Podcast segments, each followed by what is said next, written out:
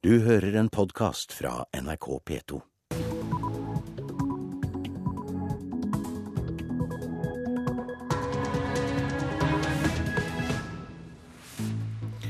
Da er vi i gang med P2s Nyhetsmorgen eh, tirsdag 22. januar. Nå klokka 6.30 er dette overskriftene. Aksjonen var 90 vellykket, sier talsmann for terroristene bak angrepet mot gassanlegget i Algerie. PST vil vurdere lovligheten i støtteerklæringen fra profetens Umma til terroraksjonen i Algerie. Hells Angels tiltalt avlyttet i nærmere ett år uten at politiet har funnet holdbare bevis mot ham, hevder forsvareren. De borgerlige kan be om penger til valgkampen, sier milliardær Stein Erik Hagen. Det kommer vi til å gjøre, sier Høyres generalsekretær Lars Arne Ryssdal. For å få en balanse i valgkampen så trengs det støtte til de borgerlige, så jeg er veldig glad for dette. Og vi kommer nok til å gjøre kjent for Steinrik Hagen at vi er takknemlige for alt vi kan få. Bilverksteder og bilpleiefirmaer er verstinger. Ni av ti behandler miljøfarlig materiale på en uforsvarlig måte. Så Vi ser at de som jobber her, er ikke nok bevisst at det er farlig avfall de håndterer, og derfor så håndterer de det eh, slurvete, rett og slett. Avdelingsdirektør Bjørn Bjørnstad i Klima- og forurensningsdirektoratet.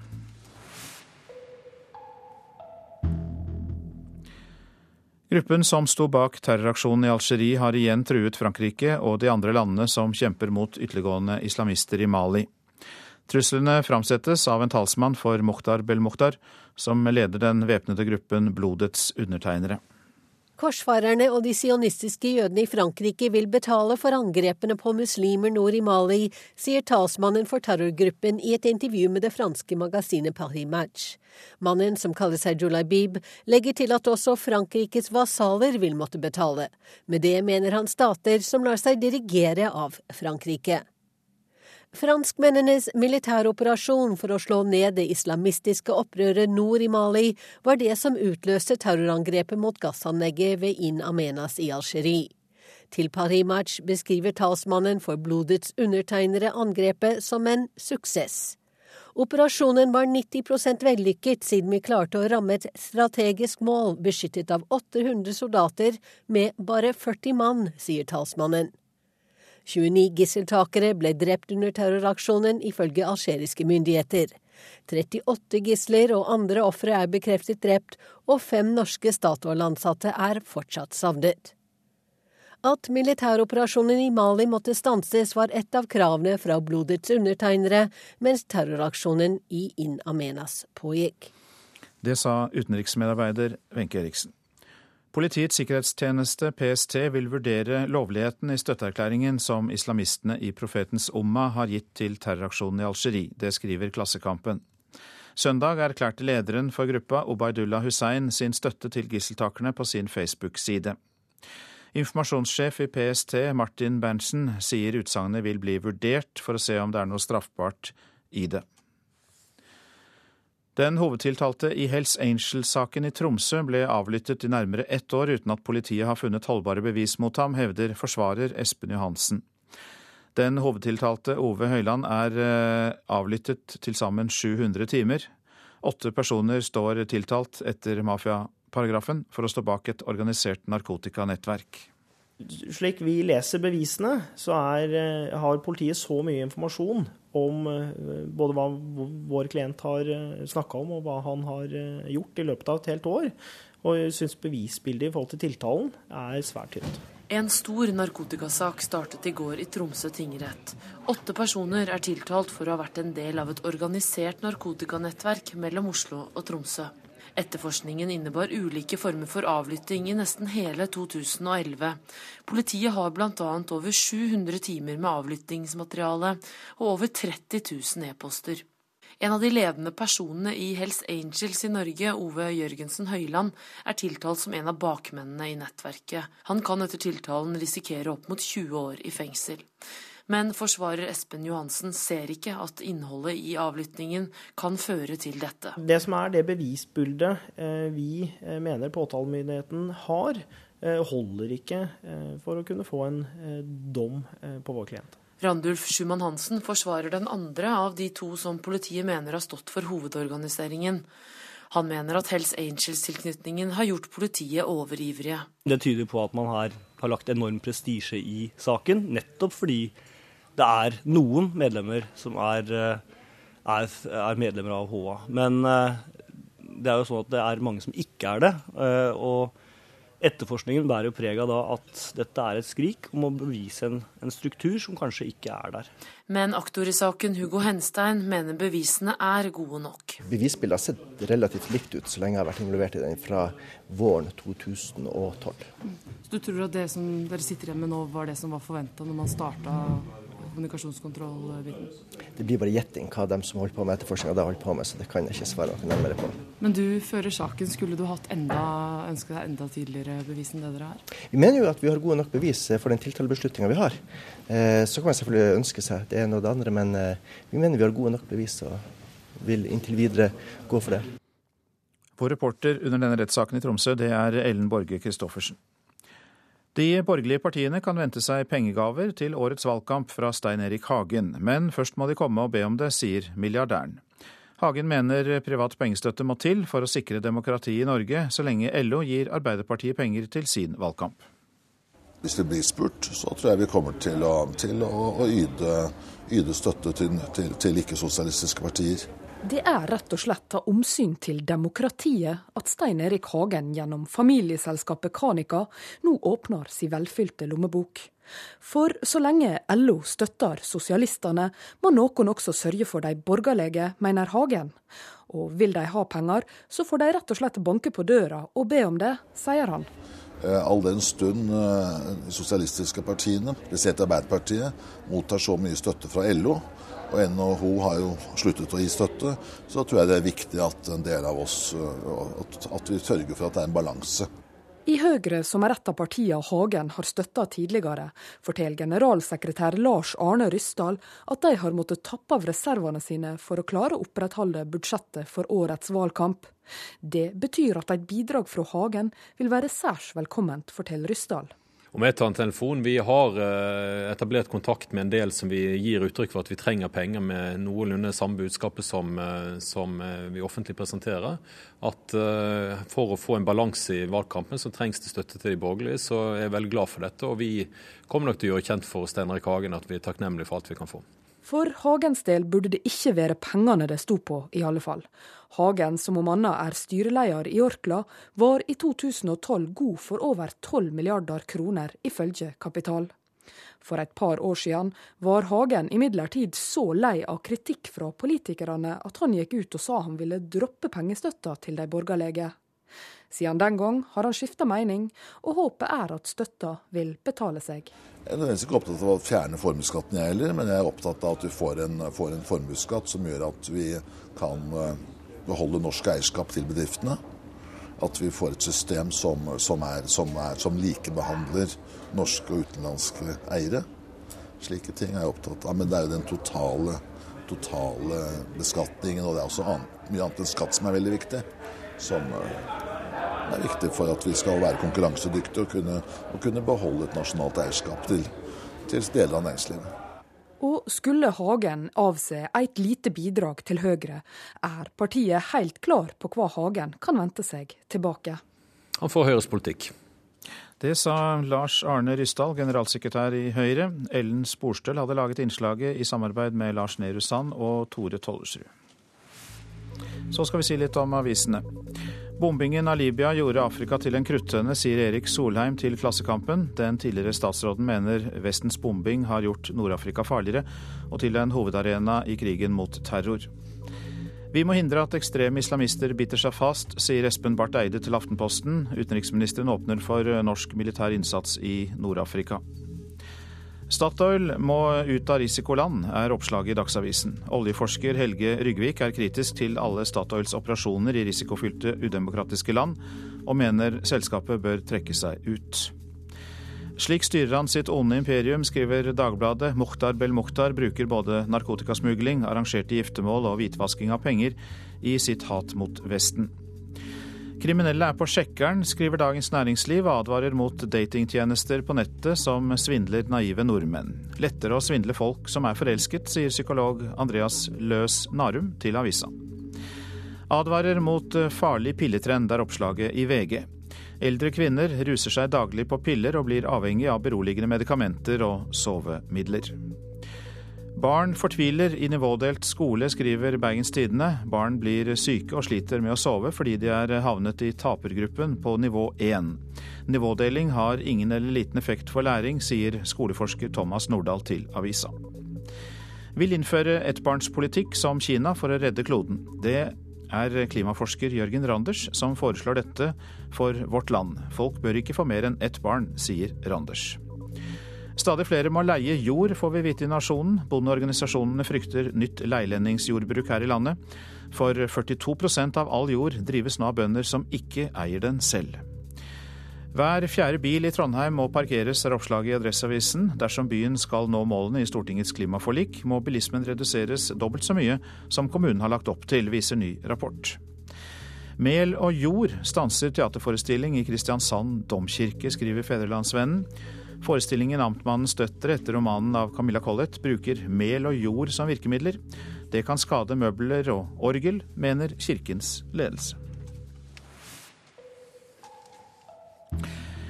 Bilverksteder og bilpleiefirmaer er miljøverstinger, for ni av ti behandler miljøfarlig materiale på en uforsvarlig måte. Det viser kontroller utført av Klima- og forurensningsdirektoratet.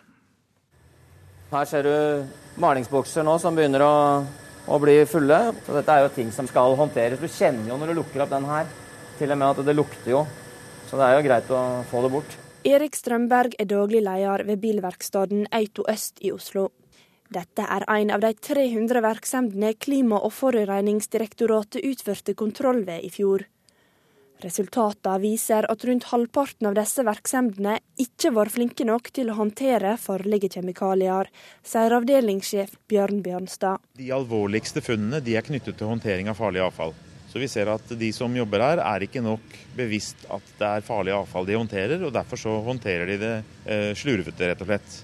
Det er manglende kunnskap, men det er også manglende bevissthet om hva det er de egentlig driver med. Kontrollen gjorde Strømberg merksom på at han uten å vite det hadde brutt regelverket. Det er jo et regelverk som er eh, vanskelig å forholde seg til. Og vi som, i hvert fall som små bedriftseiere, vi, vi klarer ikke å følge med på alt som skjer hele tiden. For små bedrifter med færre ressurser kan det være ekstra vanskelig å møte kravene, og Strømberg tror at kostnadene for å kvitte seg med avfallet ofte er avgjørende. Det som er eh, kanskje litt av det store problematikken nå, er at det blir forholdsvis kostbart for bedrifter å håndtere søpla si riktig. Og da tror jeg snarveien kan bli for mange som ikke tenker så mye på miljø, kan bli, bli enkel. Jeg eh, tror at det ville vært eh, lettere for mindre bedrifter hvis ting hadde vært litt enklere og vært ikke så kostbart. Så tror jeg det. Reporter Marte Halsør. Og nå er det kommet til studio. Bjørn Bjørnstad, god morgen. morgen. Du er avdelingsdirektør i Klima- og forurensningsdirektoratet. Men uh, til å begynne med så har jeg lyst til å snu litt på flasketuten. For er det sånn at dere har gjort nok for å informere og veilede disse bedriftene? Ja, gjort nok. Altså, jeg tror nok vi kan si at vi kan alltid bli bedre på å informere. Men her er det viktig å vite at eh, samfunnet har lagd regler for at vi skal drive ulike typer virksomhet i Norge. Og vi må passe på at de reglene overholdes, og vi må være strenge mot de som ikke holder reglene. Er det mulig å få dette til å bli noe mindre kostbart? For det var en gjennomgangstone i innslaget. Jeg tror vi må regne med at det er kostnader med å håndtere farlig avfall. Vi ser at vi gjennomfører kontrollaksjoner hvert år i samarbeid med fylkesmennene over hele landet. Og vi ser at resultatene viser ofte at håndteringen av avfallet, og ikke minst det farlige avfallet fra ulike typer virksomhet, det er den store utfordringen. Men, og Da er det viktig at man har kompetanse og vet at dette faktisk har noen farlige komponenter som må håndteres på en ordentlig måte. Altså I bedriften bør man ha mer kompetanse? I bedriften. Mm. Og Da tror jeg man også forstår det at uh, samfunn har noen kostnader med å håndtere det på en forsvarlig måte. Og det må de som bruker avfallet betale, heller enn at hele samfunnet skal dekke det alle sammen. Hvilke stoffer er det snakk om? Hva er det vi skal være bekymret for her? Altså, hvis vi tenker på verkstedindustrien, så håndterer de ulike typer oljeprodukter. Altså, de, de kan være girolje, smørolje, motorolje, den type ting. Eh, det er snakk om bremsevæske, frostvæske. Eh, de, vi snakker om maling og lakkprodukter. Eh, overflatebehandling av biler. Sparkel. Og en del andre elektriske og elektroniske komponenter i biler. Hender det at dette går rett ut i kloakken?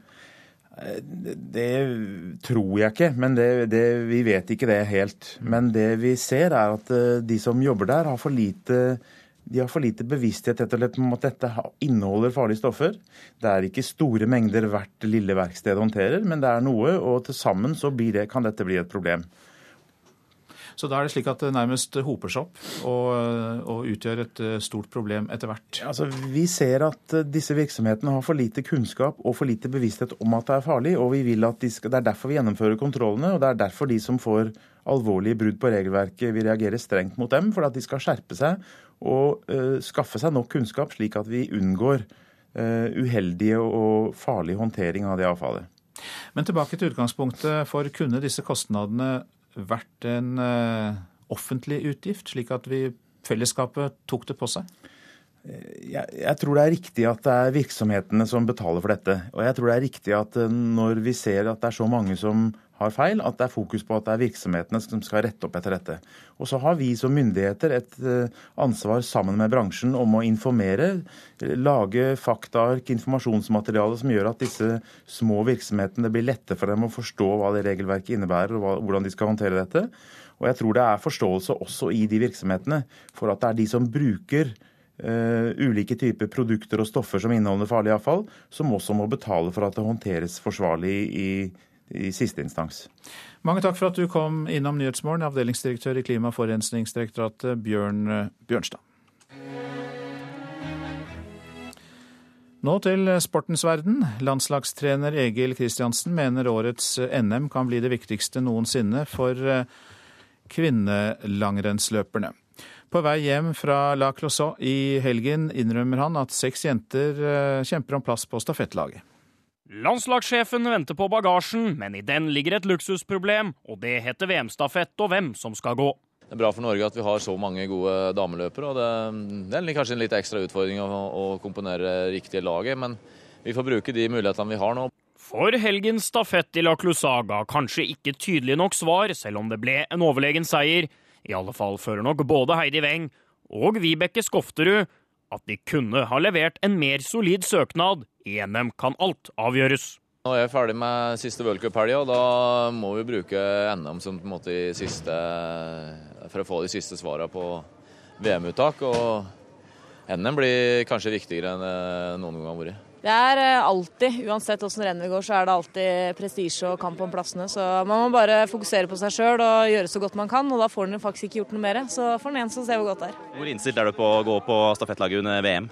Nei, altså det har jeg ikke noe fokus på. Det, der går de som er best, uh, i best form der og da, og så er det opp til Egil å vurdere hvem som, uh, hvem som er det på det tidspunktet. Nei, du, det tenker jeg ikke så mye på. Uh, det var gøy å få gått på førstelaget én gang og gå med så sterkt lag. Det, det, er ikke bare bare det. Og andre andrelaget er veldig bra og veldig sterkt, det også. Så eh, alle, kan, alle kunne gått på førstelaget og andrelaget. Ja, vi har så mange gode jenter, så jeg er veldig glad at jeg får den eh, holdt jeg på å si ære eller tilliten som i dag. Da, så det er veldig gøy. Kjør på. Ja, reporter her, det var Marius Skjelbekk. Dette er Nyhetsmorgen, og klokka den har passert 6.48. Vi har disse hovedsakene. PST vil vurdere lovligheten i støtteerklæringen fra profetens Umma til terroraksjonen i eh, Algerie. Aksjonen var 90 vellykket, det sier talsmann for terroristene bak angrepet mot gassanlegget i eh, Algerie. Og bilverksteder og bilpleiefirmaer er verstinger. Ni av ti behandler, som vi hørte, miljøfarlig avfall på en uforsvarlig måte. Flere har tatt lærerutdanning etter at departementet satte i gang rekrutteringstiltak i 2009. Men studentene velger først og fremst storbyene. Universitetet i Nordland og Høgskolen Nesna sliter med å fylle studieplassene. Nå skal utdanningsmessa i Bodø hjelpe på rekrutteringen. Hei! Er dere interessert i å ta lærerutdanning? Gerd Inger Simonsen og Utdanningsforbundet prøver å gjøre seg lekre under årets utdanningsmesse i Mørkvedhallen i Bodø.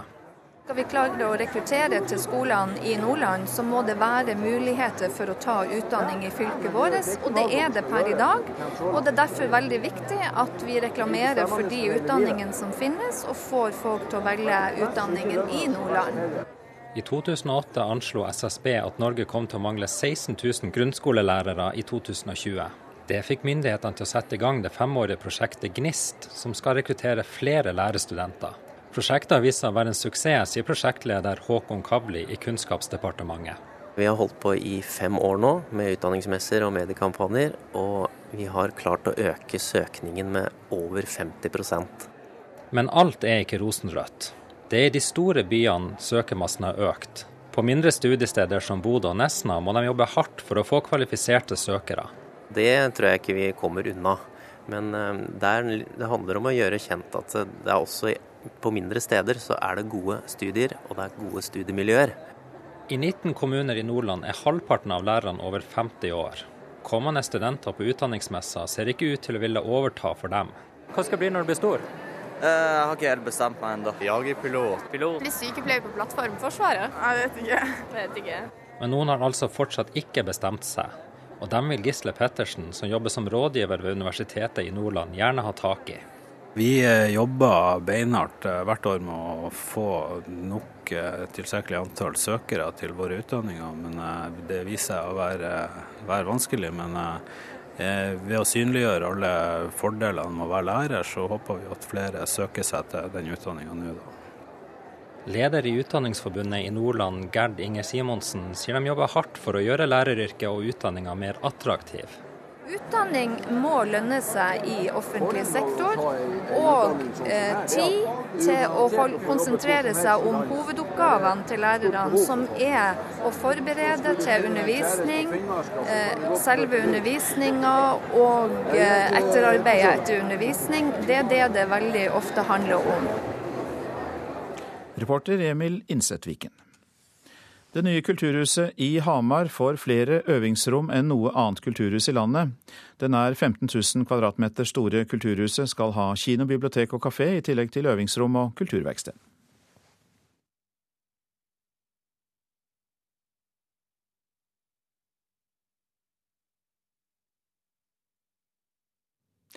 Der hørtes det veldig taust ut. Vi eh, venter litt med dette og går heller til Aust-Agder, som feirer de 100 årene med kvinners stemmerett med sang. 100 kvinner som aldri har sunget sammen før, har akkurat startet øving på bestillingsverket 100 år, 100 stemmer. Og mye skal på plass før jubileumsdagen 11. juni. Vi skal ha sammen den første. Gratulerer, gratulerer. Hør nå.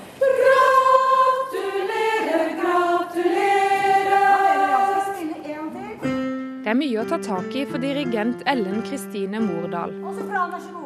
Drøyt 100 kvinner i ulike aldre har trengt seg sammen i Arendal bibliotek for en første gjennomgang av komponist Anna Jastrebskas verk 100 år, 100 stemmer.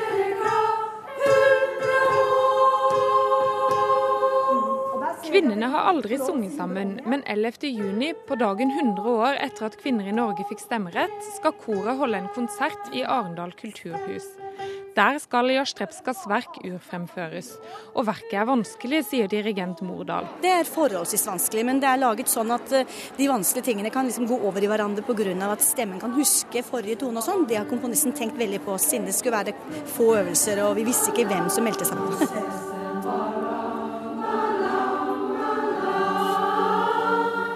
Kvinnene skal øve sammen åtte ganger i løpet av våren, ellers må de øve mye hjemme. Prosjektkoret og det nykomponerte verket er et samarbeid mellom Aust-Agder fylkeskommune og Aust-Agder musikkråd. Og det mangla ikke på respons da Musikkrådet gikk ut og etterlyste engasjerte kvinner til koret, sier daglig leder Inga Haugan Aasland. Det sier at eh, jenter tør, og jenter er med på ting som er gøy. Og vi har jo sangere her fra hele fylket. altså Folk kommer fra Vegårshei og Tvedestrand og Lillesand og overalt. Så det syns jeg er veldig bra. Og Hva tenker du om konserten som de får høre publikum da, 11.6? Det kommer til å bli spennende. fordi at eh, Det som har vært fantastisk med komponisten, er at hun har jo gjort skikkelig research. Så her får du på en måte en historie om eh, kvinners eh, Eller om gangen fram til kvinners stemmerett, og de store de kvinnene som var sentrale i det.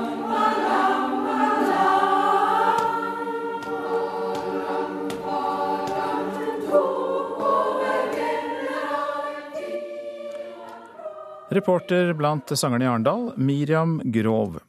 Så drar vi tilbake til eh, Hamar og Kulturhuset der som da skal stå klart til høsten, og får flere øvingsrom enn noe annet kulturhus i landet. Mellom Trondheim og Oslo så finner du ikke maken til det huset her. Sier Terje Halvorsen, kultursjef i Hamar. For dette er et rent kulturhus. Det blir kun kulturaktiviteter i huset, og det blir veldig bra. Kulturhuset i Hamar skiller seg ut fra mange andre. Her støpes det øvingsrom. I stedet for å satse på én stor konsertsal, bygges det i tillegg til kino, bibliotek og kafé mer enn 20 lydtette øvingsrom i ulik størrelse og med ulik akustikk. Et antall eh, og et omfang som ikke noen norske kulturhus per i dag har. Rune Håndløkken er rådgiver for kulturbygg over hele landet. Han sier det nye kulturhuset i Hamar skiller seg ut. Hamar kulturhus, ved siden av et par andre som jeg kjenner godt, eh, Stjørdal og Sortland, er noe av de mest framtidsretta som blir bygd i Norge i dag. Og langt billigere enn mange andre store kulturhus, og at andre bør lære av Hamar. Ja, jeg vil si det, og jeg syns de nye lokalene for Agder teater i Kristiansand koster fire til fem ganger så mye i investering som produksjons- og administrasjonslokaler for, for Teater Innlandet i Kulturhuset på Hamar. Er dere klare? Hun viser oss rundt i det nye kulturhuset i Hamar, Durita Brattaberg. Kulturhuslederen sier 1000 personer i uka vil bruke øvingsrommene i det nye kulturhuset. Altså, jeg, jeg, vet ikke om noe sted i landet hvor det er så godt tilrettelagt for, for amatørmusikk som, som, det vi får her. Trond Ekelund Johansen i Hedmark og Oppland musikkråd jubler over at Hamar nå satser på masse øvingsrom med god akustikk. Jeg tror at dette her blir eh, veldig veldig bra sånn øvingssenter for, for eh, det lokale musikklivet. Jeg, jeg mener at her vil vi, vi kunne se en, en kvalitetsutvikling ganske kjapt. Å ha det godt i øvingsrommet det betyr veldig mye for mye energi du kan legge ned i det, og mye for kvaliteten som kommer ut i den andre enden. Og innslaget det var laget av Stein S. Eide. Så et værvarsel fram til midnatt. Fjellet i Sør-Norge. Først på dagen østlig liten kuling utsatte steder sør for Finse. Ellers skiftende bris, for det meste pent vær. Østlandet og Telemark stort sett pent vær. Lokal frostrøyk nær åpent vann. Agder på kysten liten kuling, fra i ettermiddag frisk bris. Nær kysten mulighet for litt snø, ellers delvis skyet pent vær. Et veldig kort varsel for Vestlandet i dag, pent vær. Trøndelag tilskyende først i nord, enkelte snøbyger i Namdalen, ellers oppholdsvær. Helgeland og Saltfjellet vestlig seinere nordlig frisk bris, enkelte snøbyger, vesentlig i ytre strøk. Salten får nordvestlig liten kuling i dag, enkelte snøbyger. Så var det Ofoten, Lofoten, Vesterålen og Troms. Nordvestlig stiv kuling utsatte steder. Tidlig i formiddag kortvarig liten storm i Vesterålen og Sør-Troms. Og det blir snøbyger. Kyst- og fjordstrøkene i Finnmark. Nordvestlig periodevis stiv kuling. I ettermiddag sterk kuling øst for Nordkapp og snøbyger. Finnmarksvidda. I nord liten kuling, enkelte snøbyger. Vesentlig i nord. Nordensjøland på Spitsbergen. Liten kuling utsatte steder, litt snø lengst i øst, ellers stort sett oppholdsvær. Og så skal vi høre at temperaturene spenner fra pluss 1 og ned til minus 32. Vi starter på Svalbard lufthavn. Der var det minus 14 grader klokka fire. Kirkenes minus 4, Vardø minus 3, Alta minus 2, Tromsø minus 1. Og den enslige plussgraden kom i Bodø, pluss 1 grad. Brønnøysund minus 1, Trondheim-Værnes minus 15. Molde, Bergen og Stavanger alle tre hadde minus 8 grader. Kristiansand-Kjevik 6 grader minus. Gardermoen minus 18. Lillehammer minus 19. Røros minus 32 grader. Og Oslo-Blindern hadde minus 14 grader da klokka var fire i natt.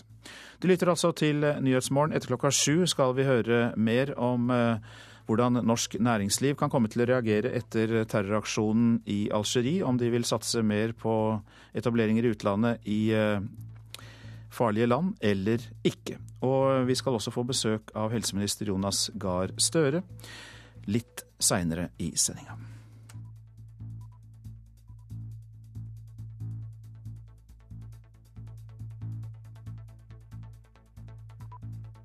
Du hører en podkast fra NRK P2.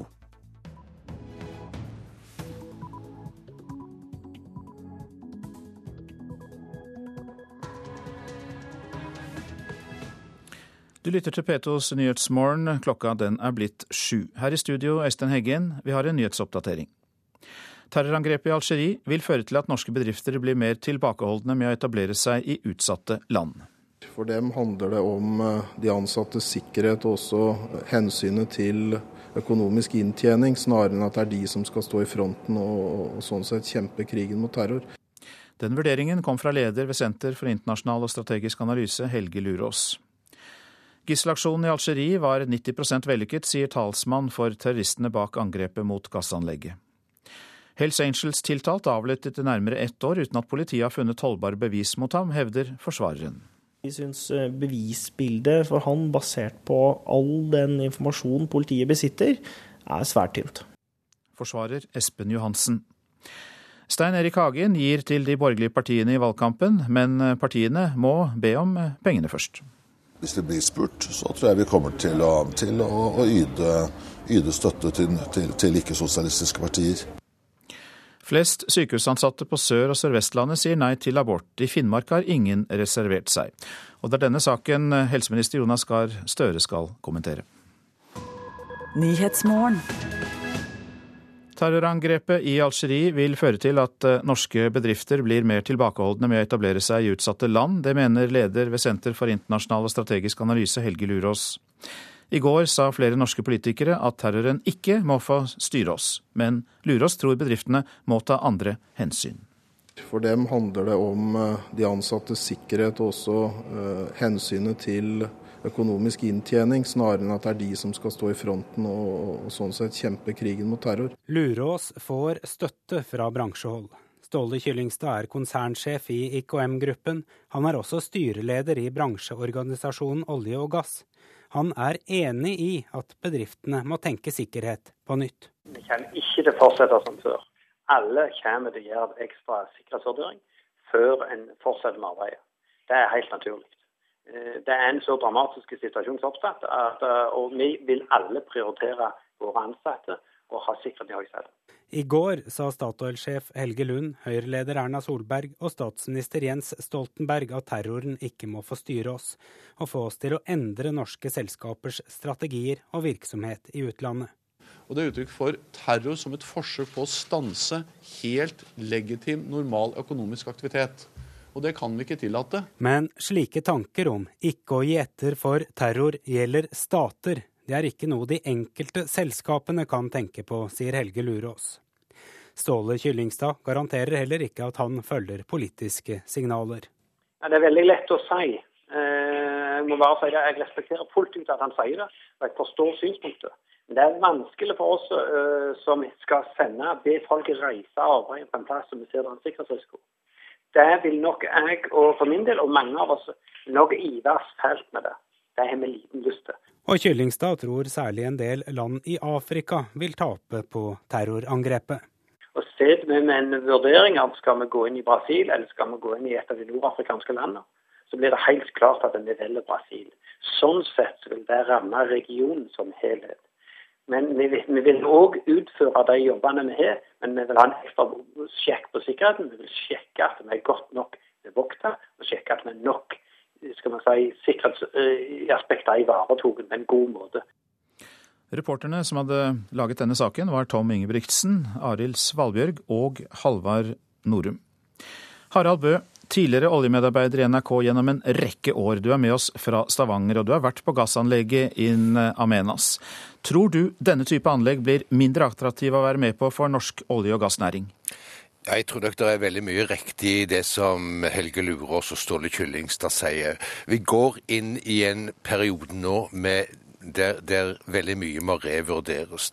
Men eh, jeg tror likevel at det er viktig det som kom fram i går fra både Statoil-lederen og statsministeren, at de ser på dette som et et angrep på våre verdier og vår kultur, og for all del så må ikke terroristene vinne fram. Og eh, jeg tror nok på mange måter at både Lurås og Kyllingstad er enig i det, men som sagt, det blir en nøye vurdering eh, som nå må gjøres. Hvilke vurderinger gjorde f.eks. Statoil da, da de gikk inn i dette anlegget i In? Nå var det kanskje litt spesielt, fordi at Statoil gikk inn, dvs. Si de kjøpte deler av BP sin, eh, sin del i Inamenas, sa at det var nok gjort en grundig vurdering. Men Statoil er jo kjent for å, å, å, ta dette med sikkerhet så alvorlig at de har nok vurdert dette ganske intenst sammen med styresmaktene i Algerie, eh, som, som ønsket Statoil velkommen. Bortsett fra ekspertene som jobber der, så er du en av de få som har vært i eh, In Amenas. Hvilket inntrykk fikk du av sikkerheten? Ja, jeg fikk inntrykk at den var veldig profesjonelt lagt opp. Vi ble fulgt eh, veldig nøye av eh, spesialsoldater som hadde relativt god oversikt.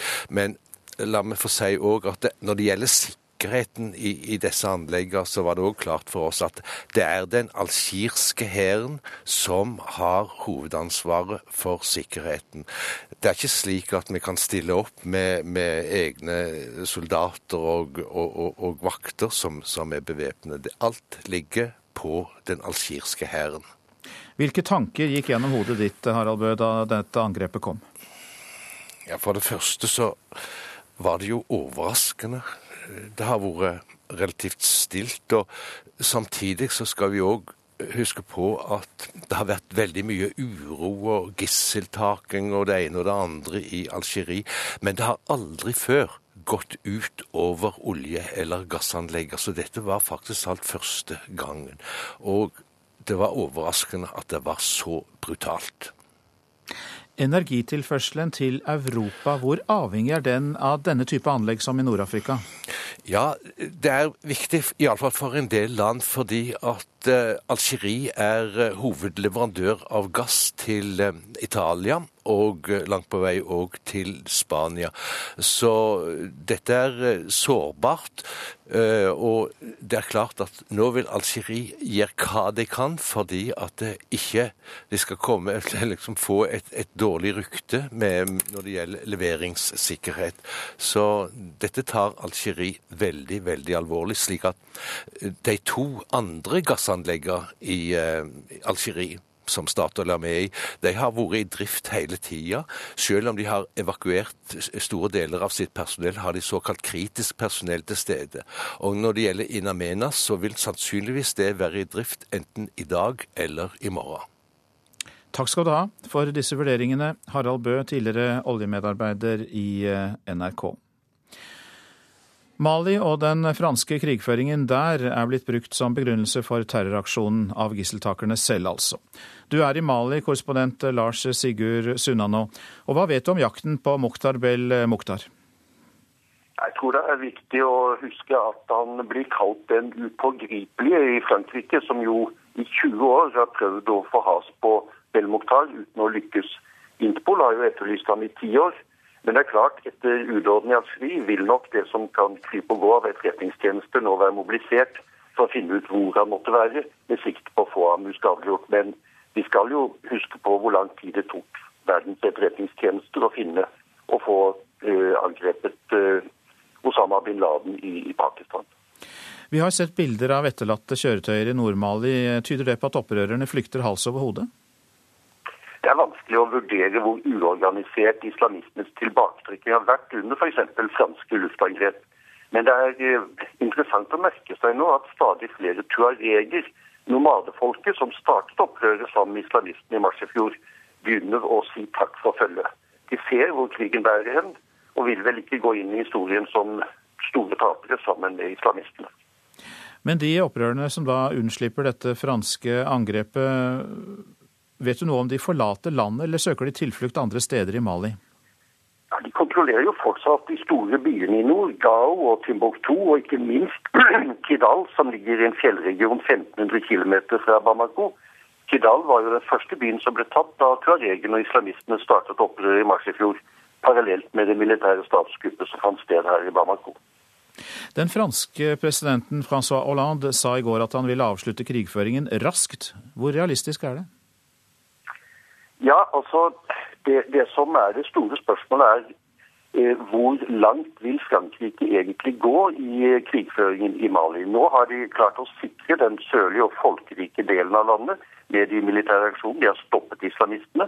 Og så kan man da si at det her får nå afrikanerne selv ordne opp. Og, og vestafrikanske land har jo lovet å støtte Mali med opptil 6000 soldater, som da franskmennene mener kanskje bør jobb, gjøre jobben heretter. Men av de 6000 soldatene er det bare 200 som er kommet hit til Mali så langt. Og det er uklart hvem som skal betale for den planlagte vestafrikanske militære innsatsen. Eh, samarbeidsorganisasjonen ECOWAS har beregnet at offensiven vil koste mellom 2 og 3 milliarder kroner.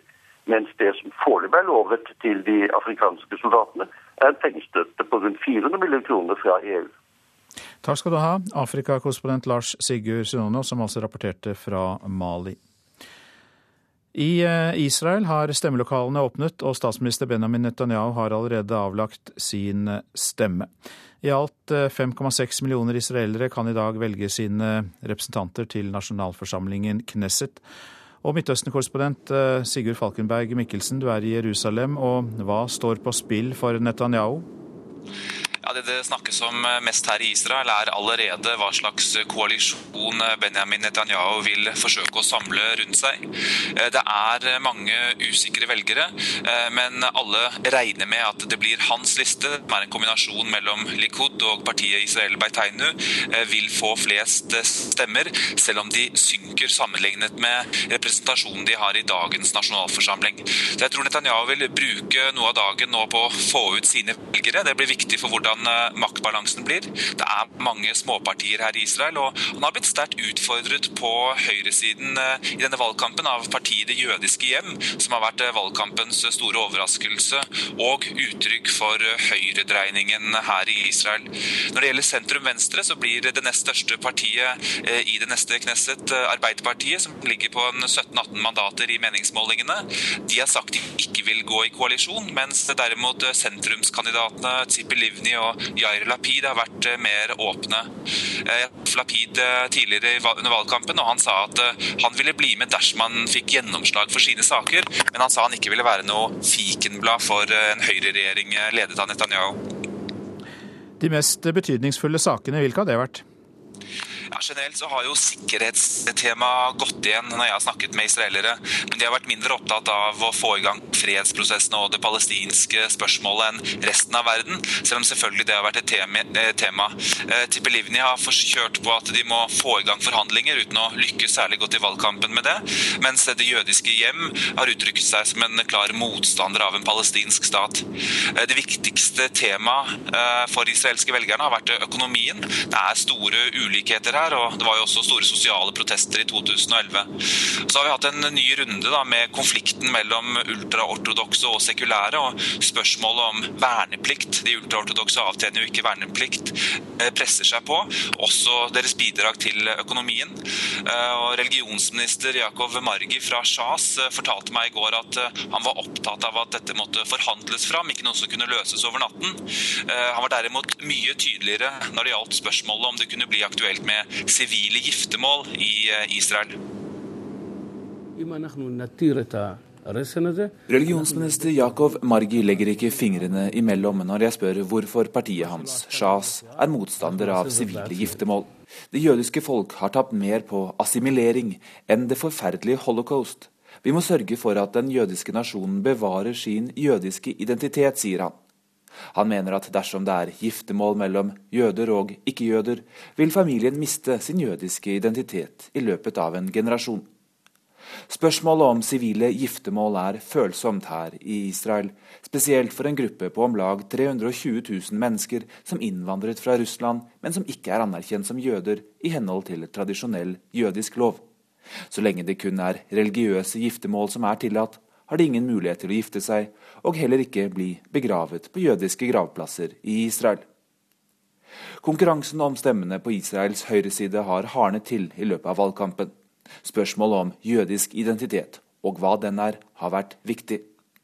Shahs, som henter sine stemmer blant Israels ultraortodokse, måtte trekke en reklamefilm rettet mot partiet Israel Beiteinu, ledet av tidligere utenriksminister Avigdor Liebermann, og merker også konkurransen med partiet Det jødiske hjem.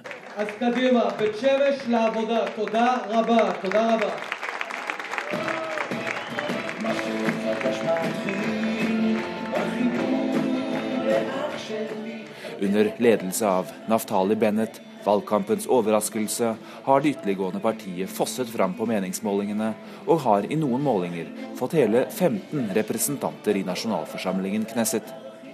Det gjør at de kan utfordre Shahs posisjon i det som alle regner blir Benjamin Netanyahus regjeringskoalisjon etter dagens valg. Og også muligens partiets kontroll over religionsdepartementet.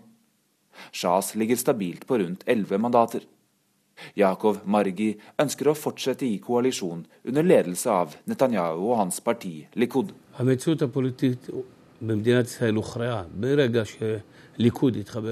Valget ble avgjort for to måneder siden da Likud gikk inn valgsamarbeid med Israel Beiteinu.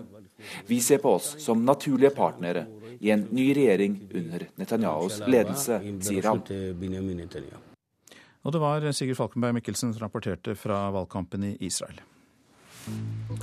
Dette er Nyhetsmorgen. Klokka passerte 7.16 der, og vi har disse hovedsakene. Terrorangrepet i Algerie kan føre til at norske bedrifter blir mer tilbakeholdne med å etablere seg i utsatte land, mener ekspert.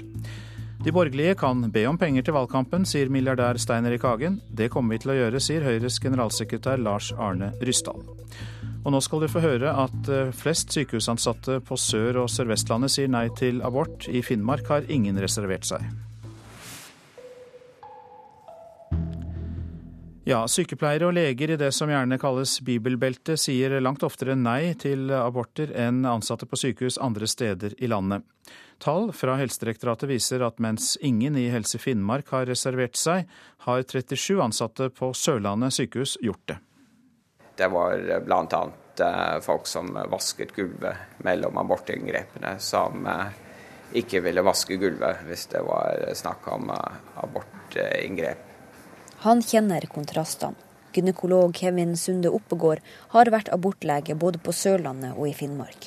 Han husker kvinnene som måtte busses fra Flekkefjord til Kristiansand for å fjerne foster de ikke ville bære frem. Jeg syns det var uh, veldig uh, moraliserende. Så lenge abort er eh, lovlig og tillatt i landet, så skulle ikke kvinner måtte oppleve å måtte reise fra sykehus til sykehus for å kunne få avbryte svangerskapet sitt. Og mye er fremdeles sånn som Oppegård husker det. Alle aborter på Sørlandet blir gjort ved sykehuset i Kristiansand én gang i uka. En kartlegging Helse- og omsorgsdepartementet har gjort, viser at abortmotstanden fortsatt er størst i bibelbeltet. Sykehusene i Møre og Romsdal, Stavanger og Sørlandet topper statistikken over reservasjoner. Halvparten av Sykehus-Norge som sier nei til abort, jobber ved de her tre. Aller flest på Sørlandet sykehus.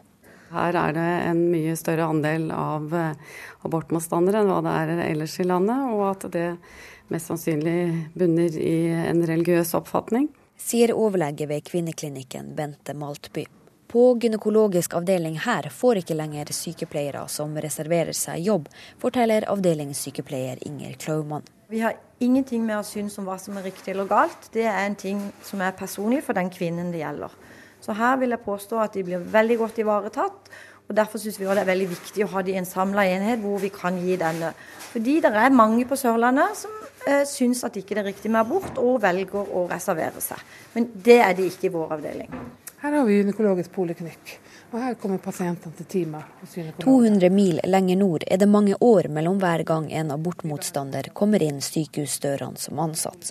Som eneste fylke har ingen sagt nei til å utføre eller hjelpe til ved en abort i Finnmark. Heller ikke sykepleier Bente Brun. Jeg har ikke tenkt noe annet enn at damen har jo krav på en selvbestemt abort.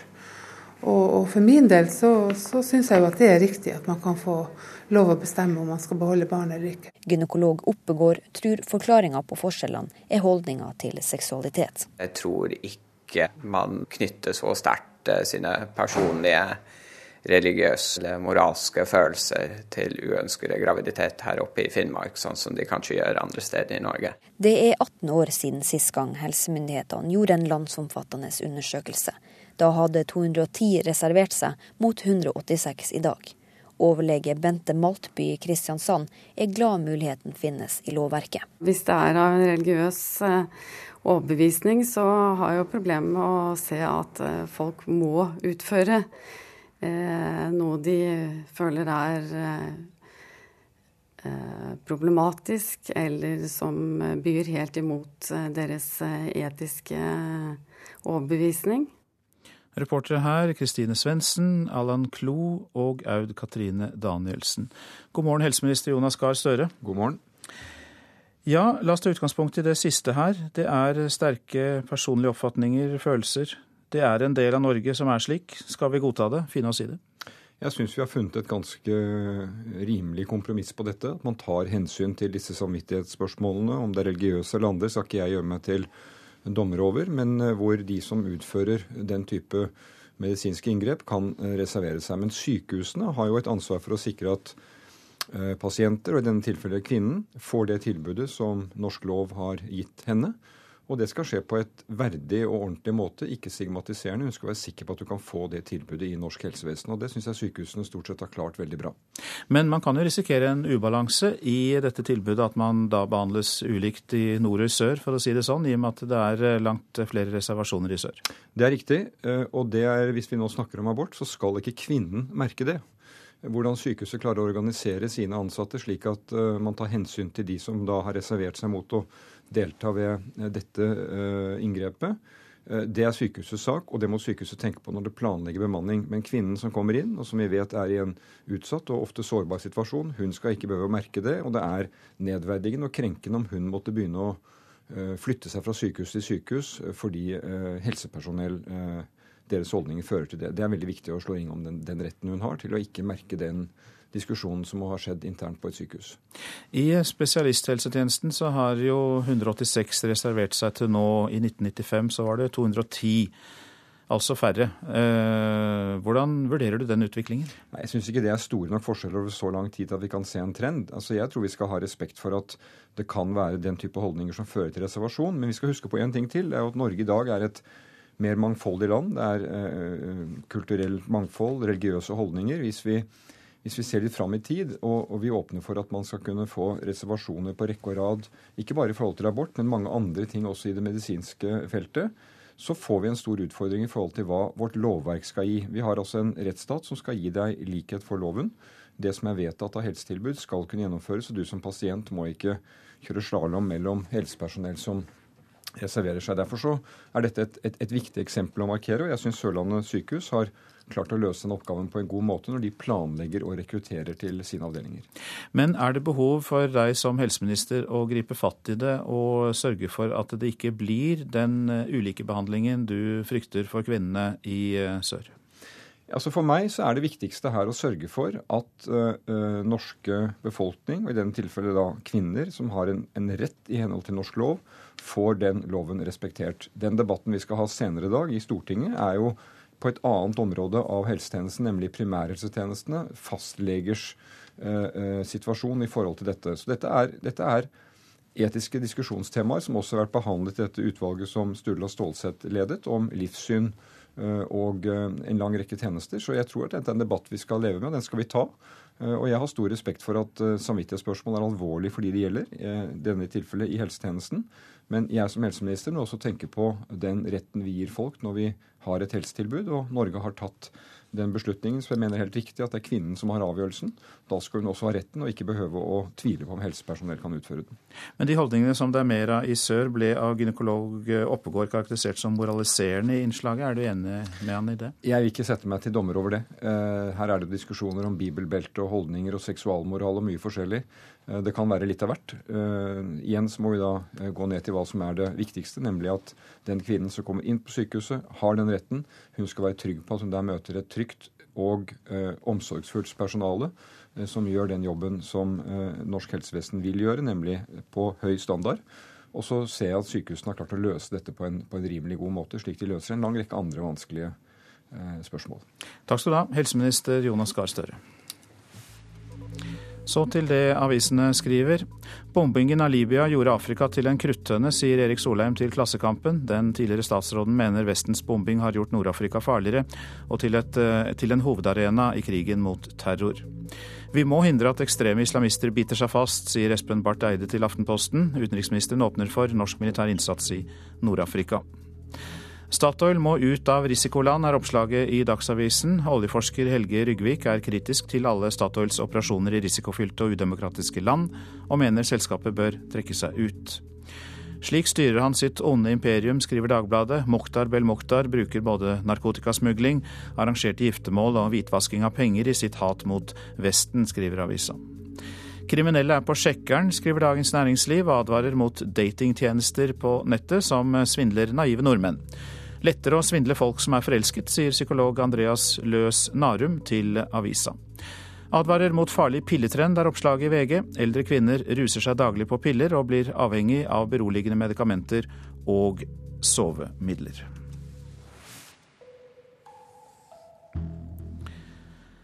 Hver vinter blir det stjålet ski og snøbrett fra skisentrene. Søndag forsvant ti par ski som sto utenfor Kongsberg skisenter. Nå vil skisenteret gjøre noe med saken, for det er vanskelig å få folk til å låse fast utstyret sitt selv, selv om det ikke mangler på slikt tilbud. Er du på brett eller på ski? Står på brettet. Nå er du inne i skikroa her, og hvor har du satt fra deg brettet? Satt i skistativet på utsida her. Har du låst det, eller? Nei. Tenker du på at eh, brettet ditt kan bli stjålet hvis det står ute her? Nei, jeg har ikke tenkt over det. Jeg ser for meg at uh, man er såpass ærlig med hverandre her da, at uh, man ikke stjeler brettene til hverandre. Og de fleste tenker nok som Kim Balboa gjør her. Det skjer ikke meg, det er ingen tyver her, eller det er ikke så farlig. Men det skjer, og det er kjedelig både for dem som blir ramma, og for skisenteret, sier Halvor Grene, daglig leder i Kongsberg skisenter. Det er leit at det skjer, eh, men vi veit at det skjer. Og vi har gjort har stativer der folk kan låse skia sine. De blir lite brukt. Og nå har vi, etter det som skjedde nå, da, har vi bestemt oss for å ha enda mer kameraovervåkning av området. Du har noen kameraer, men vil sette flere? Ja, vi vil sette flere. Og dem, dem, skal da først og fremst gå mot det området der ski og brett blir lagt. Så vi håper at det både skal virke avskrekkende, og at vi kan bruke det hvis det skjer i framtida òg. Som mange andre steder i landet var det åpen dag og gratis heiskort i Kongsberg skisenter på lørdag. Det trakk 2000 mennesker i bakken, og ski blir da et lett bytte, sier Terje Karlsen, som har ansvar for den tekniske drifta. Det var mye folk i helga, ja.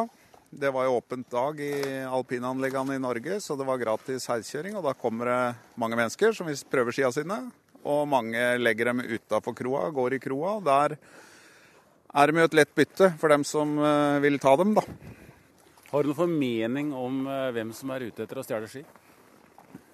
Jeg har mange meninger, men uh, ja, det er vel for å omsette dem. For å gjøre penger på dem, rett og slett. Er folk for sløve til å passe på utstyret sitt? Det er vel en kombinasjon av å være sløv og stole, stole, litt for mye på de andre som er her i anlegget til enhver tid. At det er ikke bare skiturister som er her, det kan være noen andre som kikker litt rundt i krokene også. Så jeg tror det er en kombinasjon, men det går jo an å låse utstyret sitt her, da. Det koster 30 kroner å leie en lås for en dag, eller en hundrelapp for en lås til odel og eie, men svært få bruker muligheten. Det er også erfaringen på Geilo, sier Knut Erik Fosskau, leder for Skipatruljen på Geilo. Vi hadde en god del låsbare stativer her for eh, en del år siden, og det ble lite brukt. Er det sånn at folk har lett for å sparke av seg skia der de stopper og, øh, og, går inn for å ta en pølse eller et eller annet? Det er det som er mest bekvemmelig og lettvint, da, vet du. Har dere noe kameraovervåkning eller sånne ting som øh, på en måte forebygger skityverier? Nei, det har vi ikke. Hva er de enkleste knepene man kan bruke for å unngå at skiene blir tatt? Det enkleste er vel å splitte skiparet sitt og legge er man sammen, så tar man en av hver ski og legger på to forskjellige steder. Men i forhold til antall besøkende er det likevel lite skityverier, mener Trond Østby, daglig leder i Hemsedal skisenter. Vi har jo mellom 500 og 600 000 gjester innom i løpet av vinteren. og antall tyverier er begrensa. Har du låst, låst brettet ditt? Nei, jeg har ikke det. Hvor står den da? Det står rett der nede. Ja, hvorfor har du ikke låst det? Har du ikke tenkt på det? Eh, for det første er det skolen sitt, eh, men eh, det ville vært smart å ha gjort det. Ja. Det er skolen sitt, så det er ikke så farlig. Du kan se det på den måten òg. Ja, det sa Vegard 2 til reporter Ingar Andreassen. Irland er i rute med sin snuoperasjon etter finanskrisen. Det får vi vite mer om i reportasjen etter Dagsnytt. Penger fra LO eller fra Stein Erik Hagen. Debatt om partistøtte i Politisk kvarter. Prosent for Nyhetsmorgen i dag, Jean-Erik Bjørnskau. Her i studio, Øystein Heggen. Nå straks Dagsnytt.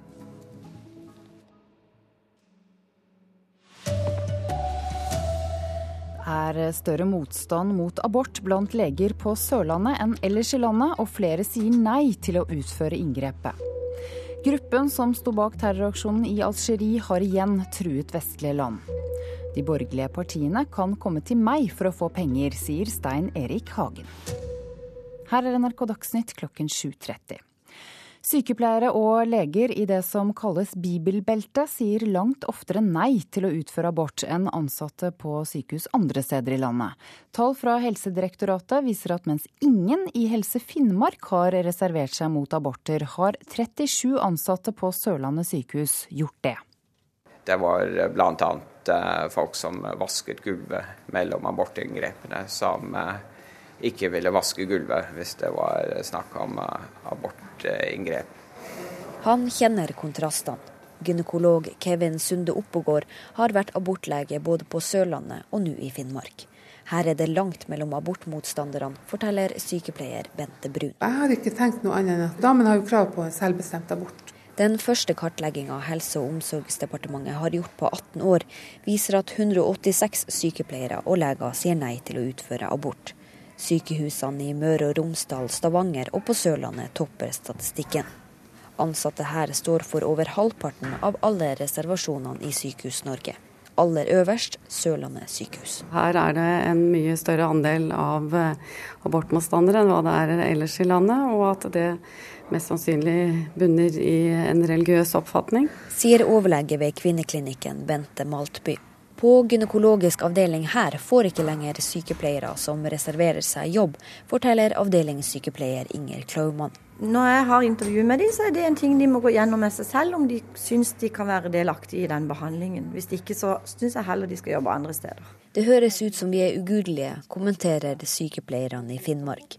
For som eneste fylke har ikke en eneste reservert seg. Jeg tror ikke man knytter så sterkt eh, sine personlige religiøse eller moralske følelser til uønskede graviditet her oppe i Finnmark, sånn som de kanskje gjør andre steder i Norge. Ja, det sa gynekolog i Helse Finnmark Kevin Sunde Oppegård til reporter Kristine Svendsen, Allan Klo og Aud Katrine Danielsen.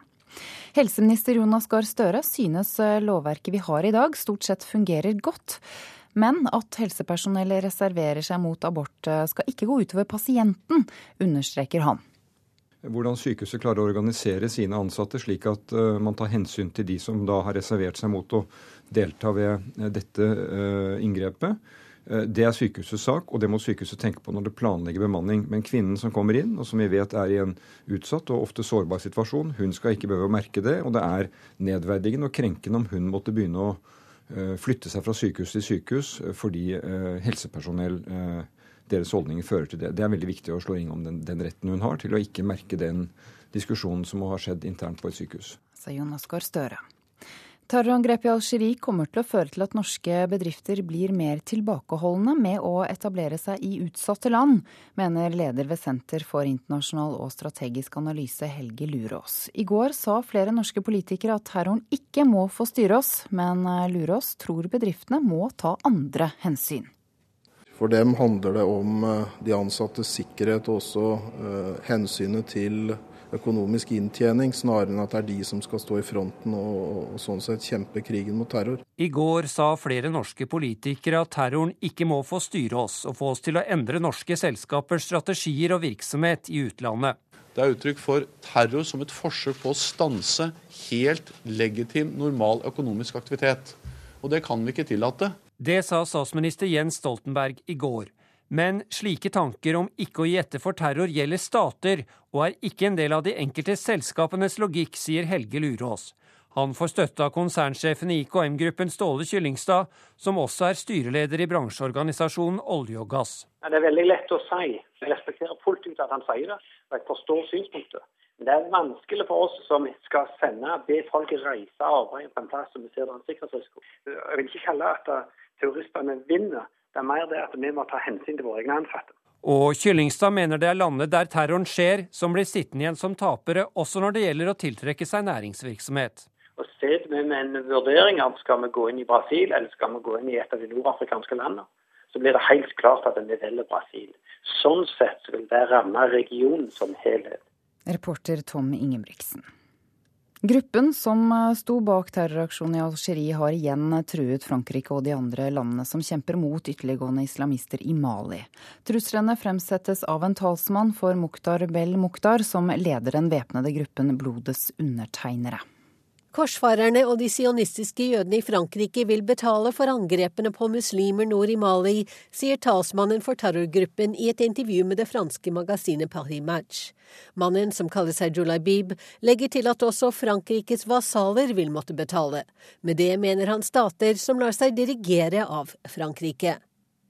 Franskmennenes militæroperasjon for å slå ned det islamistiske opprøret nord i Mali var det som utløste terrorangrepet mot gassanlegget ved In Amenas i Algerie. Til Paris Match beskriver talsmannen for blodets undertegnere angrepet som en suksess. Operasjonen var 90 vellykket siden vi klarte å ramme et strategisk mål beskyttet av 800 soldater med bare 40 mann, sier talsmannen. 29 gisseltakere ble drept under terroraksjonen, ifølge algeriske myndigheter. 38 gisler og andre ofre er bekreftet drept, og fem norske Statoil-ansatte er fortsatt savnet. At militæroperasjonen i Mali måtte stanses, var et av kravene fra blodets undertegnere mens terroraksjonen i In Amenas pågikk. Sa utenriksmedarbeider Wenche Eriksen. Og Politiets sikkerhetstjeneste skal nå vurdere om støtten fra islamistene i Profetens Umma til terroraksjonen i Algerie er lovlig. Det skriver Klassekampen. Søndag la lederen for gruppen, Ubaydullah Hussein, ut en støtteerklæring til gisseltakerne på sin Facebook-side. De borgerlige partiene kan vente seg en pengegave til årets valgkamp fra Stein Erik Hagen. Men først må de komme og be om det, sier milliardæren. Hagen mener privat pengestøtte må til for å sikre demokratiet i Norge, så lenge LO gir Arbeiderpartiet penger til sin valgkamp. Hvis det blir spurt, så tror jeg vi kommer til å, til å, å yde, yde, støtte til, til, til ikke-sosialistiske partier. Det er rett og slett av omsyn til demokratiet at Stein Erik Hagen gjennom familieselskapet Kanika nå åpner sin velfylte lommebok. For så lenge LO støtter sosialistene, må noen også sørge for de borgerlige, mener Hagen. Og vil de ha penger, så får de rett og slett banke på døra og be om det, sier han. Eh, all den stund eh, de sosialistiske partiene, spesielt Arbeiderpartiet, mottar så mye støtte fra LO, og NHO har jo sluttet å gi støtte, så tror jeg det er viktig at en del av oss at vi sørger for at det er en balanse. I Høyre, som er et av partiene Hagen har støtta tidligere, forteller generalsekretær Lars Arne Ryssdal at de har måttet tappe av reservene sine for å klare å opprettholde budsjettet for årets valgkamp. Det betyr at et bidrag fra Hagen vil være særs velkomment, forteller Ryssdal for å få en balanse i valgkampen, så trengs det støtte til de borgerlige. Så jeg er veldig glad for dette. Og vi kommer nok til å gjøre kjent for Stein Hagen at vi er takknemlige for alt vi kan få. Reporter her var Ellen Sporstøl. Og um, dette blir det mer om i Politisk kvarter klokken 7.45 på P2. Kvinnen som er siktet for å ha kjørt ned og drept den tolv år gamle Olav Hovda på Klepp i Rogaland, ble i går kveld løslatt av politiet. Etter å ha gjennomført en rekonstruksjon av hendelsen på åstedet, ble hun sluppet fri, skriver VG-nett. Den 42 år gamle kvinnen som stakk av fra ulykkesstedet, innrømmer å ha kjørt bilen.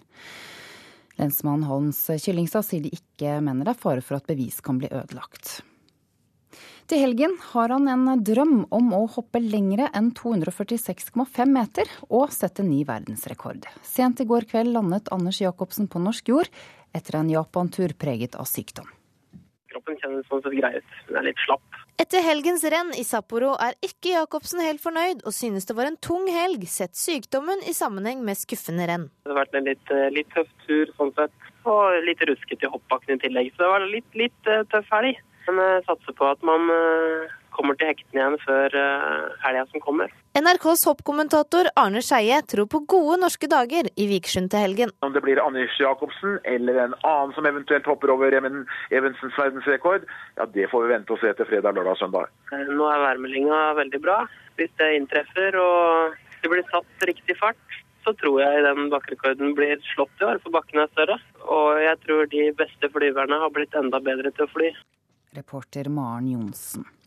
Ansvarlig for denne sendingen er Sven Gullvåg, teknisk ansvarlig Hanne Lunås. I studio Ida Creed. I Nyhetsmorgen skal vi til Irland, for toppolitikerne der mener landet er i rute med snuoperasjonen etter finanskrisen. Men irrer flest har sett arbeidsledigheten bite seg fast, boligprisene rase og bankene kollapse, mens gjelden er skyhøy. Så dermed har de fleste ikke så stor tro på en snarlig løsning. To år gamle Lilly bæres opp trappen på sosialkontoret. Hun har aldri hatt en pappa med jobb. 20 år etter skolebenken tar James Bork opp fag for å komme inn på universitetet. Some academic chance of proceeding. Uh, so they're the only choices I have. Anleggsarbeideren drev eget firma. Først røk 14 ansatte, så alle sparepengene, og så fembarnsfarens egen jobb. All work stopped coming in. Uh, still chasing money that I was owed. Didn't, uh, wasn't getting paid. I was only keeping the business afloat on my own savings. Han skylder ikke bare på politikerne, men han tviler på de som bestemmer, som sier at det snur i år. Like to know what television they're looking at because the economy is on its knees and has been for a long time. Arbeidsledigheten har bitt seg fast på over 14% i to og et halvt år. Irlands finansminister Michael Noonan ser først og fremst et lys i tunnelen. Han sier han er i rute med sparetiltak og EU-program. We're coming out of it, and we will come out of it. Han er nysgjerrig på Norges ungdomsgaranti. Where at age, young Norwegians are guaranteed either education or or training. And uh, I thought that was a very interesting, interesting. Sigbjørn Johnsen håper et A4-ark kan hjelpe. Jeg lovde sjølsagt å eh, skrive et notat på ei side. Prøve å bistå på det området, fordi eh, han var eh, interessert i å høre hvordan vi hadde gjort dette i Norge. Småstresset mellom mathyllene. Sara trenger ingen handlevogn. Hun skal bare ha chips og dipp til et kveldsbesøk. Hun bor i en treroms utenfor sentrum. Value, um, it uh, 14 years ago, 15 years ago. Snittet er et verditap på 60% siden 2007. Den bratte kurven flater kanskje ut i år. Sara skritter mot kassen. Hun tror ikke på en snarlig vekst.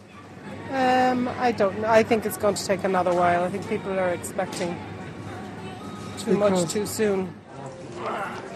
De store sammenhengene vises best i det små, som en smurt matpakke. Too expensive to buy food. She buys food, but she has a job. Richard Maloney og Ify McPartland rydder bordet etter matpausen før eksamensinnspurten. De må tilbake til biblioteket. Førsteårsstudentene på Dublin City-universitetet er generasjonen som Irland ikke har råd til å tape. De håper det verste er over. Hva annet kan de gjøre?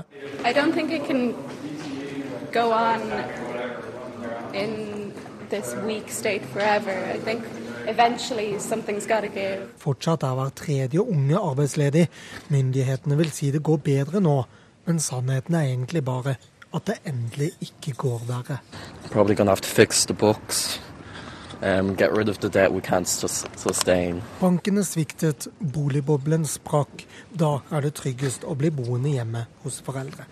I don't think anyone can really rush things because if that again that'll be a short-term solution to a long-term problem and what we we need is the long-term solution. So rushing to buy or rushing to rent just doesn't seem feasible at the moment. Langsiktigheten trengs, for finansminister Nunen tør ikke tidfeste når økonomien er normal igjen.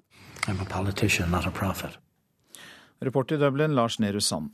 Dette er Nyhetsmorgen, dette er hovedsakene. Terrorangrepet i Algerie kan føre til at norske bedrifter blir mer tilbakeholdne med å etablere seg i utsatte land, mener ekspert. Flest eh, sykehusansatte på Sør- og Vestlandet sier nei til abort. Helseministeren sier at alle kvinner skal få samme behandling i helsevesenet uansett hvor de bor. Innbyggerne i Israel går til valgurnene i dag. Økonomien er viktigste kampsak. Og Politisk kvarter nå. Stein Rik Hagen åpner lommeboka for å få regjeringsskifte, programleder Sigrid Solund. Det er bare å be om penger, sier Hagen, og kan nok vente seg flere henvendelser. Og SV ville endre politikken for asylbarna, men det ble med viljen, ifølge Venstre.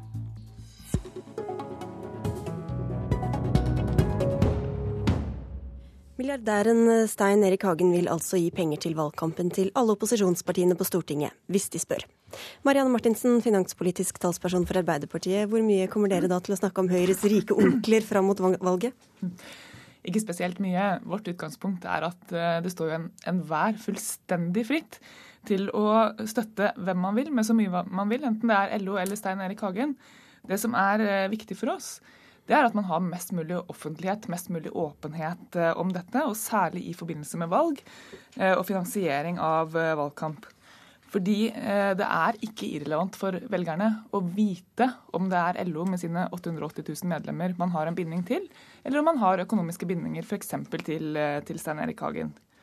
Og det er jo selvfølgelig fordi at når, når, LO velger å støtte Arbeiderpartiet, og Stein Erik Hagen nå sier at han vil åpne lommeboka for å få regjeringsskifte, så sier det ganske mye om eh, hvem det er som vinner på, på, den politikken som de ulike partiene fører. Men, men, hva er det dere er kritisk til med tanke på Høyres eh, rolle i dette, da? Nei, altså, eh, Høyre har jo en lang tradisjon for å, for å, unngå å bidra til offentlighet rundt dette. Og Det siste eksempelet vi fikk, det var i Stortinget rett før jul. Eh, da hadde Stortinget en ganske skarp debatt i stortingssalen eh, da kommunalkomiteen behandla nye, nye, regler for partistøtte. Eh, og Da var valgkampbidrag en egen sak. Da vedtok regjeringspartiene nye regler som innebærer at man nå blir forplikta til å fortløpende offentliggjøre hvem det er som finansierer valgkampen. Helt fram til fredagen før valget. Det var også noe som Høyre valgte å stemme imot. Eh, og For meg så er det eh, rett og slett, eh, rett og slett ganske uforståelig. Man prøvde seg på en, på en, unnskyldning som dreide seg om at dette var veldig praktisk vanskelig å få til. Men det er selvfølgelig bare tull. Altså, dette, handler jo, dette handler jo først og fremst om at de borgerlige partiene, og kanskje særlig Høyre, helst vil unngå å få en debatt om rike onkler i, dag, i dagene rett før valget. Lars Arne Rustdal, generalsekretær i Høyre, du skal få svare på det. Men først, hva vil dere si til Hagen og de andre velstående som kanskje vil gi dere penger?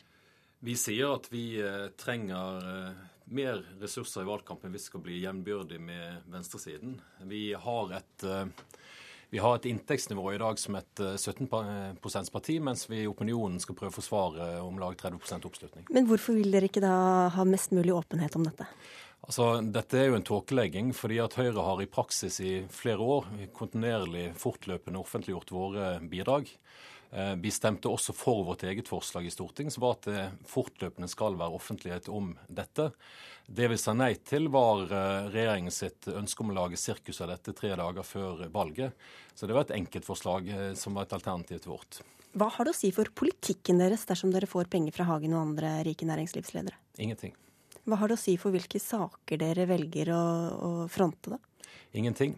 Men det er klart at når vi får støtte, så er det fordi at uh, næringslivet ser at vi har en god politikk for å skape trygge arbeidsplasser i landet, og vi har større tillit der enn den rød-grønne regjeringen har. Så det er, noe, det er, ikke noe, rart at Stein Erik Hagen eh, ønsker å bidra økonomisk til, eh, til, et regjeringsskifte. Det kan vise seg å bli en ganske lukrativ økonomisk investering for Stein Erik Hagen selv. Det kan ikke være bare at han er enig med politikken deres?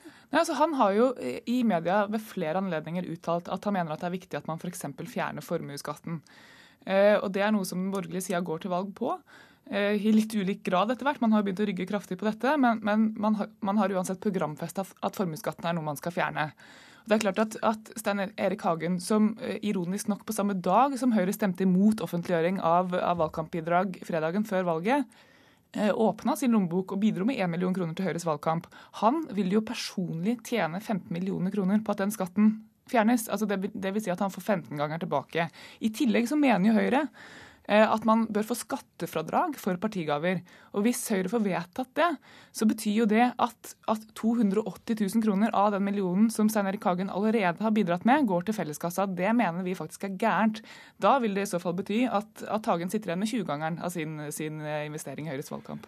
Det siste Marianne Martinsen, burde du ha sjekket at det faktisk er feil. Jeg har sett du har skrevet det før, men det vi har foreslått i Stortinget, at det skal utredes en ordning som gjør at det å gi penger til demokratisk eh, medlemskap i partier skal være fradragsberettiget på samme måte som, eh, som eh, til fagforeninger. Men det har aldri, aldri vært foreslått at det skal være en, et fradrag uten tak. Men en ting er jo, Du sier at politikken ikke endres, men hva tror du det gjør med folks oppfatning av Høyre at dere nå igjen forbindes med rike onkler?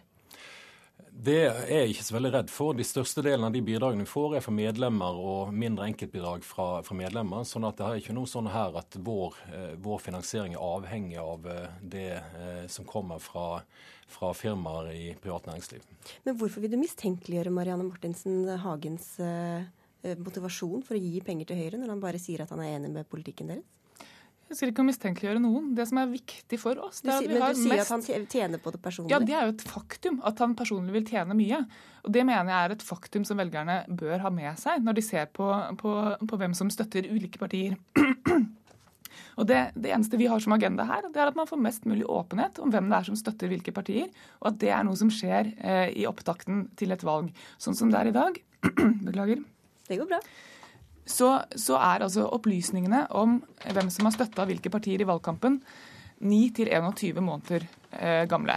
Og det, det, gir ikke et spesielt dekkende bilde av hvem det er som har finansiert de ulike partienes valgkamp. Så mest mulig åpenhet er vår agenda, og det har altså Høyre sammen med de andre borgerlige partiene stemt imot i Stortinget. Ja, da kan du bare sjekke på, på nettet at vi har fortløpende i fem år nå lagt ut eh, våre bidrag, det vi mottar. Det er helt til slutt her, Marianne Martinsen. Hvor fritt eh, står uh, Arbeiderpartiet til å, finne, til å bestemme sin egen politikk med tanke på alle pengene dere får fra LO? Vi står helt fullstendig fritt, og jeg tror et par direktivsaker de siste par åra har illustrert det. Men akkurat den samme saken eh, viste jo også at lokale LO-folk sa at de som stemte for direktivet, kunne bare glemme å bli gjenvalgt. Ja, og det har jo vist seg at det, det har ikke, ikke, gått roll i ordet der. Eh, det er ikke sånn at LO på noen måte kan, kan true våre lokale representanter. Selvfølgelig ikke. Marianne Martinsen og Lars Arne Rysdal, takk for besøket.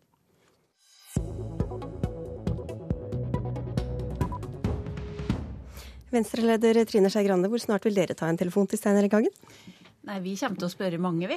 Sånn som vi spør våre medlemmer. Og det er dem som bidrar mest til valgkampen. Vi er nok det fattigste partiet, så vi trenger alle som kan være med å bidra. Så det kan jeg gjerne proklamere på radioen. Hvis dere vil være med å støtte Venstres valgkamp, så gjør gjerne det. Invitasjonen er herved sendt. Men det er ikke derfor du er her, egentlig. For du skal snakke om asylbarn, og om hvorvidt stortingsmeldingen som kom i fjor sommer, faktisk endret politikken for å legge mer vekt på barns beste, slik blant andre SVs ledelse lovte. Min klare forventning er at dette vil bety eh, at en god del barn som ellers ville blitt sendt ut, får bli i Norge. Nå skal vi legge inn tolkning som virkelig betyr å legge mer vekt på barn. Ble det sånn etter din oppfatning, eh, Trine Skei Grande? Nei, det er ingenting som tyder på det. Og vårt poeng er at hvis man mener noen ting, så er poenget med Stortinget at da endrer man lover og forskrifter og ønsker å få dem i tråd med det man virkelig mener. Eh, man sender ikke signaler. Det er ikke poenget med Stortingets behandling. Poenget med Stortinget er at vi lager lover og regler. Og det jeg frykter for nå, er at vi skal få en sak i, mot oss igjen i Eh, europeiske menneskerettighetsdomstolen, som viser at vi bryter menneskerettighetene, spesielt når det gjelder barn. SV-leder Audun Lysbakken, vi hørte deg her også. Dere hadde seminar om asylbarna på Stortinget i går, og støttet også en demonstrasjon forrige helg for barn som har vært i årevis i Norge uten å få opphold. Hvordan vil du karakterisere norsk asylpolitikk i dag overfor disse barna? Den er ikke raus nok eh, overfor barn. Eh, det er mange barn som lever i utrygghet og uvisshet altfor lenge. Eh, og det er et særlig ansvar for oss som samfunn eh, å sørge for eh, barna. Og Det betyr at vi noen ganger er nødt til å sette andre hensyn til side, også de som handler om innvandringsregulering, til fordel for det som er barns beste. Vi vet at det tar ikke så veldig lang tid før et barn oppnår sterk tilknytning til et nytt land, nye omgivelser, nye mennesker.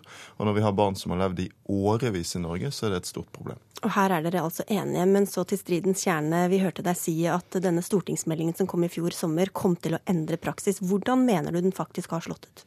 Det er litt tidlig å si. Eh, derfor syns jeg det er litt eh, leit hvis eh, Trine konkluderer allerede. For det er sånn at Stortinget sender hele tiden signaler. Både gjennom det vi vedtar og gjennom det vi sier. Og jeg tror det er viktig at vi nå har en veldig tydelig forventning til utlendingsmyndighetene om at den praksisendringen som Stortinget og regjeringen har bedt om, skal gjennomføres. Men det er, jeg må bare avbryte, her, for det er ikke bare hun som har konkludert det sånn. Det kom altså en, en høyesterettsdom rett før jul som slo fast at praksisen er helt i tråd med lovverket, og at to barn som, eh, ikke, som har vært her i årevis, ikke fikk opphold.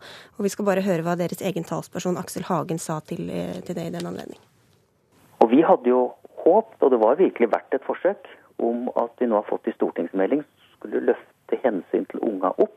Meldinga har ikke slått gjennom på den måten at den skal legge større vekt på, de, på hva som er riktig for, for unga, og som er best for unga.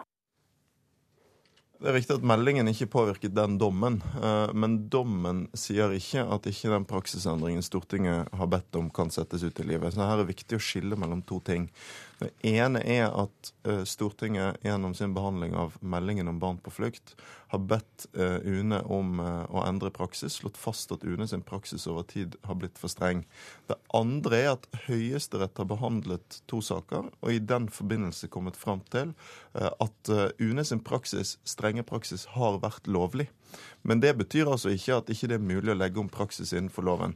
Men, men det betyr at vi, må, vi, som er opptatt av asylbarna, vi må tenke to ting. For det første så har vi nå en klar avtale regjeringspartiene imellom om at vi skal se an hvordan UNE sin praksis utvikler seg. Hvis det skulle være sånn at Trine får rett, ja, da skal vi sørge for at vi tar andre virkemidler i bruk. Og det står også i stortingsmeldingen at vi da skal revurdere. Men så viser dommen at vi uansett har et for stort rom i norsk lovverk til å ikke ta hensyn til barna. Og Derfor så er f.eks. en viktig del av det nye programmet vi vedtar i SV, at vi ønsker å endre regelverket, sånn at vi i enda større grad sikrer barnas rettigheter i framtiden. Nå må vi slippe til Trine Skei Grande her. Så. Ja, jeg tror jo, Audun, i engasjementet. Jeg tror jo at SV og Venstre er enige på dette området. Det er ikke det som er problemet. Problemet er at man har blitt fanga av Arbeiderpartiet, og Arbeiderpartiet og Frp er helt enige på dette feltet. Og det er viktig å få bort Demmapartiet sin makt i forhold til dette området. Fordi at her har man blitt lurt av Arbeiderpartiet. Det er klart at Når du sier vi skal endre praksis for praksis er feil i forhold til lovverket, så er det ikke sånn det er. fordi at nå har Høyesterett sagt at denne praksisen er helt i tråd med lovverket. Og Poenget med et storting det er at et storting vedtar lover. Og vi har foreslått flere ganger. Vi har foreslått f.eks. For vi, vi prøvde oss på flere forskjellige sjatteringer. ene var liksom et barns beste skal gjelde, eller barns beste skal tillegges vekt sammenligna med innvandringspolitiske hensyn. Og hele disse forskjellige juridiske nivåene med barns beste kontra innvandringsregulerende hensyn. Og vi har blitt nedstemt på alle. Og jeg tror vi må endre lovverket for å gi det signalet om at barns botid i landet faktisk må påvirke, og barns tilknytning til riket må påvirke. Nå er ikke Arbeiderpartiet her for å forsvare seg, bare for å ha sagt det, men Lysbakken til dette med lovverket. Hvis det nå viser seg i juni da, etter den gjennomgangen at det ikke har vært noen praksisendring, kommer det da til å komme en lovendring? Ja, altså For det første så er jo jeg enig i at vi trenger å gjøre noe med regelverket, sånn at vi ja. ikke får den situasjonen som høyesterettsdommen eh, viste oss. Men kommer at, det til å skje? Er det, det den avtalen går ut på med regjeringspartnerne? Det vil vi gå inn for. Men så er det i tillegg sånn at vi har en mulighet til å få noe til å skje før valget. Enten gjennom at Utlendingsnemnden nå gjennomfører den praksisendringen som vi har bedt om, eller gjennom at vi da tar i bruk andre virkemidler hvis det skulle vise seg at Trine har rett og det ikke er nok. Eh, og, er, og, så er det selvfølgelig sånn at Men er det den avtalen dere har med de andre regjeringspartnerne, ja, at lovene skal endres dersom praksisen viser at den ikke er endret? Det som går fram av stortingsmeldingen, er at vi skal uh, revurdere virkemidlene hvis ikke vi nå får det resultatet vi ønsket oss, som alle partiene har stilt okay, men seg bak. Ingen garanti om noe regelendring eller lovendring? Jo, men alle partiene har stilt seg bak at vi her ønsker en annen praksis. Og det betyr at uh, vi må ta andre virkemidler i bruk hvis dette ikke uh, lykkes lykkes. Så har jo Trine helt rett i at jeg og hun er helt enig. Og så er det andre partier som i utgangspunktet har et annet utgangspunkt i asylpolitikken. Men utfordringen vår er jo at vi er nødt til å samarbeide med de store partiene for å få til en rausere politikk. Da tror jeg det vi ikke trenger, er en, ja, eh, en smålig krangel mellom Venstre og SV. Eh, Venstre vil akkurat samme utfordring i et samarbeid med Høyre og Fremskrittspartiet. Men vi må sammen klare å sette barnas uh, politikk på dagsorden, sånn at vi får flere partier. Men dere er så enige at jeg også må spørre deg, Trine Skei Grande. Hvorfor skal foreldre klare å trenere sin egen sak fram til et opphold i Norge? Nei, poenget er at vi må sette makt bak de kravene vi gjør når vi bestemmer oss for at vi skal sende noen ut, og så får vi sende noen ut. Problemet er når vi ikke har da klart å sende dem ut, da, eh, og barna har slått rot i Norge Men det skyldes jo også foreldrenes egen manglende vilje til samarbeid? Ja, det kan også likevel skyldes at vi, vi kan gjerne bare tvangsreturnere dem vi ønsker å tvangsreturnere. Så hvis vi vil sette makk på kravene med en gang, så er det bare å gjøre det. Det, det har Venstre bevilga mer penger til i vårt alternative budsjett, for vi mener at man må håndheve de reglene man har. Men det vi har sett, f.eks. da vi satt i regjering med Høyre sist, var at vi sammen med SV to ganger gjennomført liberaliseringer på regelverket akkurat når det gjaldt barn. Og jeg tror at eh, hvis vi får til et sånt flertall i, i Stortinget, der Høyre og Venstre blir store igjen, sammen med KrF, så skal vi klare også sammen, med SV for å få til gode løsninger for barna. Jeg vil bare legge til for ordens skyld at også at direktøren i UNE selv sier det er for tidlig å konkludere med at, eh, at det ikke har vært noen, at ikke stortingsmeldingen har hatt noe å si, bare for å ha sagt det. Men Politisk kvarter er dessverre slutt for i dag. Trine Skei Grande Audun Lysbakken, takk for at dere kom. Mitt navn er Sigrid Elise Solund. Du har hørt en podkast fra NRK P2.